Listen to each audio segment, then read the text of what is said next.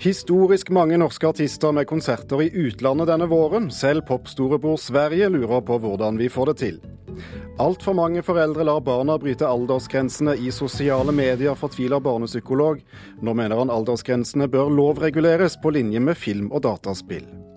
Jeg ble vettskremt, forteller mannen som spiller Stephen Hawking i filmen om hans liv, om det første møtet med den berømte fysikeren. NRK har møtt BAFTA-vinneren. Dette er noe av menyen i Kulturnytt her i Nyhetsmorgen, i dag med Thomas Alverstein Ove. Denne uken går startskuddet for det mange mener er tidenes konsertvår for norske artister i utlandet. Svært mange nordmenn opptrer på store arenaer i USA og Europa de neste tre månedene. Rytmen fra norsk elektronika pumpes ut i verden denne våren. Artistene Todd Terje, Kygo og Cashmere Cat skal alle tre spille på gigantfestivalen Coachella i California i april, og har før det en travel turnévår i utlandet, da særlig Cashmere Cat. Magnus August Høiberg, som han egentlig heter, samarbeider her med Ariana Grand og skal ut på en omfattende USA-turné sammen med Stjerneskuddet. Der ventes store scener som Madison Square Garden i New York. Altså, sånn Norsk-historisk så er det jo eh, ekstremt eh, unikt. Det sier manager for Cashmere Cat Vegard Vaske, som også har ansvaret for det internasjonale programmet i Bylive. For det stopper ikke med elektronikasuksessen. Velkjente Nico og Vince reiser snart ut på en omfattende europaturné sammen med Usher, og også bandet Team Me, Katzenjammer og artist Susanne Sundfør skal ut i Europa. Elektronikaartist Matoma reiser snart på USA-turné, og det samme gjør metallbandet Enslaved. Og ikke nok med det. Artist Jenny Wahl har sikra seg oppvarmingsjobb for Grammy-vinner St. Vincent i USA og Canada. Jeg tror det er et resultat over egentlig ganske lang innsats. Tidenes konsertvår er et resultat av frø som er sådd gjennom flere år, mener direktør i Music Norway Katrine Synnes Finnskog. Nordmenn stikker seg også ut fordi vi har særpreg, ifølge Vegard Vaske. Viktigere nå å være litt annerledes enn å være lik de største den norske folkesjela litt sånn her Nei, skal gjøre det på vår måte, liksom. At der du, får du positive utslag i den veien, da. Til og med popmusikkstorebror Sverige har nå skjønt at det skjer store ting hos lillebror i vest. De sier at de må snart vurdere å begynne å ha skauter i Norge fra Sverige for å klare å fange opp det som skjer her borte. Så klart at de også merker at et eller annet her borte skjer, og det må jo vi bare ta til oss. De er på alerten, og de vet at uh, ting er på gang i Norge, da. For ti år siden så føltes det ofte som at uh, hvis internasjonal bransje så mot Skandinavia, så trodde de at Stockholm var hovedstaden i Skandinavia. at Norge var et fylke i Sverige. Det har eh, endra seg veldig. Utfordringa nå blir å sørge for at hele den norske musikkbransjen får oppleve tidenes vår. Så Det vi må nødt til å investere i, er å bygge opp et norsk støtteapparat, en norsk kompetanse, slik at vi kan utvikle talenter her hjemme, og så sende dem ut herfra men også sørge for at de kommer hjem, at erfaringene kommer hjem, kompetansen, pengene. Det har bare begynt. Og det vil bare vokse og vokse og vokse. Vi trenger denne liksom mer solide bransjen for å kunne klare å holde på inntektene også, da. Til slutt uh, hørte vi Todd Terje-låten 'Inspector Norse'. Reporter var Torkil uh, Thorsvik. Trine Solli, musikkjournalist og prosjektleder i P3. Hvor tilfeldig er det at det er så mye som klaffer samtidig for norsk musikk ute i verden nå? Det er kanskje bitte lite grann tilfeldig eh, at vi har alle disse artistene som er ute på veien i verden akkurat nå, men jeg tenker jo at dette eh, er nok et resultat av at norske artister er ekstremt sultne, ekstremt dyktige og har jobbet hardt og lenge. Katzenjammer f.eks., som ble nevnt i saken her, har jo holdt på i ti år og turnert um, masse i Tyskland, har en stor fanskare der. Eh, Cashmere Cat har også spilt en del i California annet, og flyttet ned til LA og knyttet en del kontakter der nede.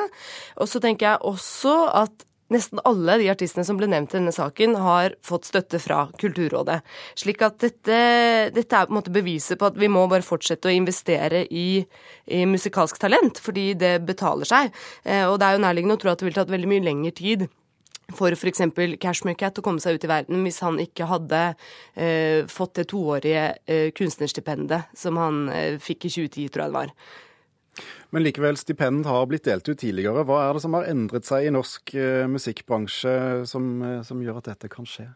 Eh, verden har blitt mindre. Det er lett lettere å reise, og artister tjener fint lite penger eh, på å selge musikken sin fordi vi laster den ned og streamer den, eh, slik at eh, jeg tror de tjener mest penger ved å turnere og spille konserter, og da er det nærliggende at Og de har skjønt at de må gjøre en ekstra innsats på det området? Riktig. Er det fare for at dette er et blaff, da, eller vil den norske bransjen greie å opprettholde interessen? Nei, altså vil, jeg tenker sånn Kygo for eksempel er eh, kanskje et blaff, eller vil være det inntil han begynner å skrive egne låter, eller med mindre han trer tilbake og begynner å produsere for andre. Um, og så er det jo litt sånn skremmende, kanskje i hvert fall i forhold til dette, da, at det er en sånn trend å synge på norsk. For det er klart hvis absolutt alle begynner å synge på norsk, så blir det jo enda vanskeligere å, å turnere i, i, USA eller resten av verden. Uh, og så tenker jeg at igjen, det er en forutsetning at, at vi fortsetter å holde på de gode støtteordningene. Ellers så, ellers så, faller jo hele dette her. Og det er jo en unik mulighet, som eh, Katrine Synnes Finnskog sier i saken her også. Det er jo fantastisk hvis disse artistene kan ta med seg den kompetansen og erfaringen hjem, og vi kan fortsette å, å eh, lage dritbra musikk og få det ut i verden. Har du en god følelse for at det vil skje? Ja, jeg er ikke sånn superbegeistra for den kulturpolitikken som føres i disse dager, så jeg er med sunn skepsis, kanskje. Svenskene kikker på oss nå, det liker vi vel. Men uh, hva, hva, betyr det? Jeg vet ikke. altså jeg tenker sånn, Det er jo lett for manageren til Cash Cat å si at nå svenskene ser på oss og vi gjør det så innmari bra og sånn. Uh, så jeg er litt usikker. Jeg har vært lite rundt i verden og sett svensker som beundrer den jobben vi gjør. Men hvis det er tilfellet, så er det selvfølgelig kjempekult og veldig smigrende. Uh, for de har på en måte vært de som har kjørt forrest hele tida. Så det er gøy hvis vi kan, eh, hvis vi kan eh, hjelpe svenskene litt, kanskje. vi får se, og håpe kanskje. Tusen takk skal du ha, Trine Solli fra P3. USA har satt den tidligere tyske rapperen Dennis Kuspert på sin terrorliste. 39-åringen opptrer i flere propagandavideoer fra den islamistiske terrorgruppen IS. Kuspert, som holdt hiphop-konserter i Berlin under artistnavnet Deso Dog på 2000-tallet, kaller seg nå for Abu Tala al-Alamani. Gjennom videoene fra IS har tyskeren blitt eh, blant de mest kjente vestlige krigerne i opprørsgruppen. Elektronikkselskapet Samsung advarer kunder mot å diskutere personlige eller sensitiv informasjon foran en av selskapets smart-TV-er. Advarselen gjelder kunder som bruker talestyring for å betjene fjernsynsapparatet. Årsaken er at smart-TV-en kan lytte til det som blir sagt, og gi informasjonen videre til Samsung eller en annen tredjepart. Vi skal eh, høre at eh, aldersgrensa for eh, sosiale medier må inn i det norske lovverket på linje med film og dataspill. Det mener psykologiprofessor Willy Tore Mørk. Men Medietilsynet tror ikke en slik lov vil virke. Mens mange foreldre lar barna sine få profiler på Facebook og Instagram, har noen laget business av å få barna til å velge annerledes. Når jeg f.eks. er inne på min Facebook-profil nå, så er en av de første tingene jeg ser, er at uh, det er bilde av to rødvinsglass hvor det står 'ny forskning rødvin kan være slankende'. Dette er ikke et medie, det er ikke et sted for barn å være. Sier Ole Vidar Hestås i sofaen foran laptopen. Han er far til fire og administrerende direktør i det sosiale mediet Køddel. Altså Det var eh, min minste som ville på Instagram, han fikk ikke det. Jeg sjekket om det fantes noe alternativt, det gjorde det ikke. Så jeg tok med meg to svært gode venner, og så startet vi køddel. Hestås forsøker å løse en floke svært mange norske foreldre sliter med. Skal vi respektere 13-årsgrensen for sosiale medier, eller skal vi la den sikkert modne og ansvarlige tiåringen få sin egen profil på Snapchat, Instagram eller Facebook? Det er derfor vi har laget køddel, for å liksom gi det store markedet et alternativ istedenfor å slippe de til der voksne er. Det finnes ikke nøyaktige tall på hvor mange norske barn under 13 år som bruker sosiale medier, men i en rapport som Medietilsynet ga ut i fjor, svarte hele tre av ti jenter mellom 9 og 11 år at Instagram og Snapchat var de sosiale mediene de brukte oftest. Det bekymrer professor i barnepsykologi ved Universitetet i Tromsø, Willy Tore Mørk. Det er jo ikke uten grunn at selskapene selv har valgt å ha en aldersgrense på 13 år. Det er fordi de faktisk mener at dette kan være utfordrende og skadelig for barn hvis det, hvis det misbrukes. Men aldersgrensen er satt ut fra en amerikansk lov som ikke gjelder her i Norge. Det er altså ikke ulovlig å lyve på alderen eller å hjelpe barn å lage profiler i sosiale medier. Men det burde bli, mener psykologiprofessoren. Jeg er faktisk eh, har en oppfatning at eh, altså det burde vært eh, regulert også ved norsk lov. Det å sette en lov, hvordan i all verden skal den opprettholdes i praksis? Og hva skal konsekvensen være for barna om de bryter denne loven? Sier Barbro Hardersen i Medietilsynet. Jeg har mye større tro på at man veileder barna og unge, og, og, heller går inn i en dialog som gjør at både barn og voksne reflekterer rundt egen bruk på alle typer sosiale medier. Hadde foreldrene hatt respekten for disse eh, aldersgrensene, så hadde det vært det aller beste at foreldrene selv regulerte det. Men siden det åpenbart ikke er tilfellet, så vil en lovregulering kunne være aktuelt. Reporter her, det var eh, Petter Sommer. Og vi kan eh, nevne eh, i samme slengen at i dag er den internasjonale dagen for trygt internett, som blir markert i hele Europa.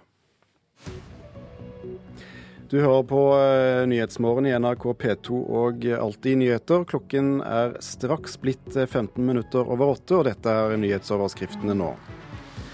Barneombudet ber katolske ledere i Norge om ikke å følge pave Frans' ord etter at han i helgen gikk god for det han kaller klasking av barn. Norge kan spare 6 milliarder kroner årlig dersom kommunene når sykefraværsmålene. Det viser beregninger fra KS. Og for snever etterforskning og tunnelsyn er et generelt problem i politiet, sier politihøyskoleforsker. Vi skal til eh, vårens store satsing på Stenersen-museet i eh, Oslo. For eh, første gang er hele museet viet til én enkeltkunstner, nemlig Guttorm Guttormsgård. En allsidig kunstner som mange har sett, for han har bl.a. laget teglsteinsfasaden på Oslo Spektrum, og labyrinten som utgjør universitetsplassen i Tromsø, og utallige bokomslag, deriblant verdens vakreste. Og i tillegg en, eh, en rekke kunstinstallasjoner. Mona Palle Bjerke, kunstkritiker i NRK. Du var på åpningen fredag kveld. Hvordan var det? Nei, Det var helt utrolig stappfullt. Det var nesten ikke mulig å bevege seg rundt i Stenersen-museet. Og jeg så absolutt ingenting av eh, kurator og kunstner som holdt taler på et podium. Så det var bare kjempe, kjempemasse mennesker. Så han har virkelig sin egen sånn menighet som dyrker han ganske mye, og som er veldig opptatt av hans kunstnerskap. Og midt i denne mengden så dukket eh, Yahya Hassan opp, eh, den unge danske dikteren som skriver om eh, innvandring og har hisset på seg så mange at han må leve med politibeskyttelse. Hva gjorde han på åpningen? Han leste dikt, og det var også Torgeir Reboledo Pedersen og Torgeir Skjerven som leste dikt. da. Så det kom, dette med Yahya Hassan kom jo som en overraskelse på åpningen. Utstillingen heter Kjent ukjent, og det siste gjelder nok for mange, tross alt. Hva slags kunstner er Guttorm Guttormsgaard? Han begynte jo som grafiker og tegner, men eh, beveget seg veldig raskt inn i dette eh, installasjonsuttrykket som han er kjent for, eller arkivuttrykket, hvor han opererer mer som en nesten samler og kurator. En slags visuell DJ som vever sammen egne og andres uttrykk og eh, verdifulle antikviteter og hva man kan si helt verdiløse rariteter etter. Blant annet på den ene veggen i Stenersen-museet så er det hengt eh, masse flettede teppebankere i sånne naturfibre. De har jo denne vakre, svungne formen. Og også et sted så har han hengt fra taket masse visper av ulikt slag. Så han skaper på en måte, viser da både den formstyrken, men også referanserikdommen da i disse trivielle hverdagsobjektene. Hverdag er én ting, men uh, hans politiske side, hvordan uh, blir det vist frem? Han har jo viet veldig mye av sitt kunstnerliv til kampen for palestinernes sak. Og hele endeveggen i Stenersen-museet er nå full av sånn strektellesystem. Og han har da hver lille figur er fire streker med en strek over, hvor han angir da med kritt på tavle antall døde i, palestin, på palestinsk side i sommerens angrep. Og på den andre siden er det da et lite, ganske mye mindre antall blå tellestreker som angir de israelske ofrene, for å vise den smertefulle Eller proporsjonene, de litt ubekvemme proporsjonene om maktskjevheten i denne konflikten. Og så har han jo også en Man går inn i en kube da, som er, viser ansikter på den ene siden. Det er barneansikter fra Gaza. I tillegg så er det da speil på alle de andre veggene, som gjør at dette er både et lukket lukket, klaustrofobisk rom, eh, men samtidig et uendelig rom hvor man både er fanget og utlevert. og Dette er et ganske gripende bilde på situasjonen på Gaza, der når man faktisk ikke har noe sted å rømme. og Dette er stilt sammen med Torgeir Skjervens eh, veldig sterke dikt 'Bønn for Gaza', som eh, jo Jeg kan jo ikke lese hele diktet her, da, men det handler om dette med Han sier Allah akbar, hold ungene tilbake. Hvis tilbake fins, hold dem unna. Hvis unna fins, hold dem hos deg. Og så videre, som ikke sant, selvfølgelig for beskriver dette grusomt, at man egentlig ikke har noe sted å rømme. Og det er ikke noen måte å, å passe på barna. Bønn for Gaza, men er det noen bønn for Israel? Nei, det er klart, dette er en veldig, han er jo helt klart valgt side her. Og dette er ikke noen eh, noe balansert fremstilling av Midtøsten-konflikten. Dette er, eh, Han er jo ikke diplomat, han er jo ikke politiker, men kunstner. Og dette er et dypfølt sorgarbeide for palestinernes fortvilede sak. Alt i alt, eh, hva syns du om utstillingen? Det er en veldig veldig sterk og gripende opplevelse. Eh, som en av mine kolleger på Kunsthøgskolen veldig klokt sa da jeg snakket med han i går kveld, så sa han det, det er nesten litt farlig å snakke om det, eller man skal være litt forsiktig med å snakke i stykker dette veldig talende, rike universet. Så jeg vil jo heller si gå og, gå og lytt til alle disse fortellingene, dette rike, den sammensetningen av gjenstander. Ta det innover dere, og så skal ikke jeg snakke det i stykker. Tror du at etter dette at flere vil huske navnet hans, og ikke bare kjenne ja, kunsten? Ja, det tror jeg, for dette er jo en veldig tydelig og stor markering som jeg håper veldig mange vil gå og få med seg. Mona Palle Bjerke, tusen takk skal du ha. I går fikk du høre i Kulturnytt at, eh, at eh, Stephen Hawking selv var til stede da filmen om hans liv fikk tre prestisjetunge BAFTA-priser i London. En av dem var prisen for beste mannlige hovedrolle, som gikk til Eddie Redmayne. Jeg ble vettskremt, forteller han til NRK om sitt første møte med den verdensberømte fysikeren. Hawking er verdenskjent for sine teorier om sorte hull i verdensrommet, til tross for at han tidlig ble rammet av en livstruende nervesykdom. It's called motor neuron disease. Life expectancy is two years. The brain. What about the brain? The brain isn't affected. Your thoughts won't change. It's just Vi møter Stephen Hawking mens han fremdeles er ung student ved Cambridge University, der han også møter sin første kone Jane. Det er også hun som har skrevet memoarene som filmen bygger på. Hawking fikk diagnosen på nervesykdommen ALS som 22-åring, og den gang fikk han beskjed om at han sannsynligvis kun hadde to år igjen å leve. Sykdommen resulterte i at han er bundet til rullestol, og at den britiske forskeren kun kan kommunisere med omverdenen via en språkcomputer.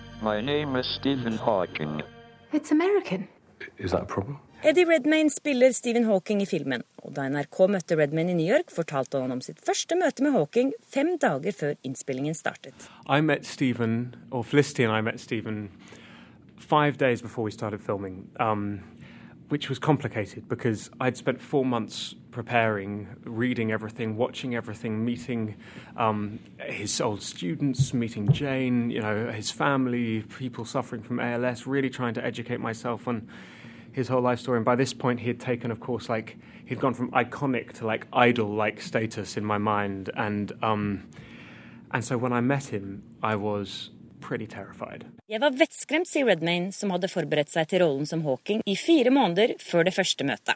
But then it was wonderful. I mean, he, it's very difficult for him to communicate now, so he just uses the, this eye muscle. Um, he has a screen with the alphabet and a cursor going across it, so it takes him even longer than in the film to communicate. So maybe in two, three hours, he said maybe eight sentences.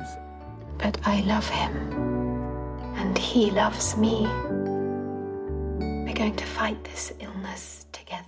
Filmen er basert på biografien 'Traveling to Infinity My Life with Steven', skrevet av ekskona Jane Wild Hawking. Felicity Jones, som spiller Jane, er imponert over hvor fryktløse de begge er. Met Steven, yes, yeah, he's incredibly charismatic. Um, again, just just very very funny. Um, both him and Jane, I feel, are really rock and roll. They are fearless, and that's what was inspiring about the whole process is there are moments that I'd constantly read where, um, as particularly with disability, where there's a, a lot of people are, you know, don't always know how to behave ar- around, particularly people with motor neuron disease, and uh, Jane and Stephen just wouldn't care what people thought. The universe is expanding. If you reverse time, then the universe is getting smaller. All right. What if I reverse the process all the way back to see what happened at the beginning of time itself? Wind back the clock. Wind back the clock until you get the universe born from a black hole exploding. Det var fra filmen 'The Theory of Everything' eh, om eh, livet til eh, fysikeren Stephen Hawking. Reporter Kjersti Flå vi hadde møtt skuespilleren i New York. Kulturnytt runder nå av. I dagens sending har du bl.a. hørt at vi går inn i tidenes konsertvår for norske artister i utlandet. Historisk sett er dette helt unikt, sier veteran i musikkbransjen Vegard Vaske. Aldersgrenser for sosiale medier må inn i det norske lovverket på linje med film og dataspill, mener psykologiprofessor Willy Tore Mørk, men Medietilsynet er skeptisk til at en slik lov vil virke. Kulturnytt ble laget i dag av eh, produsent Andrea Kammerhagen, tekniker Hanne Lunås og her i studio Thomas Alvarstein Ove.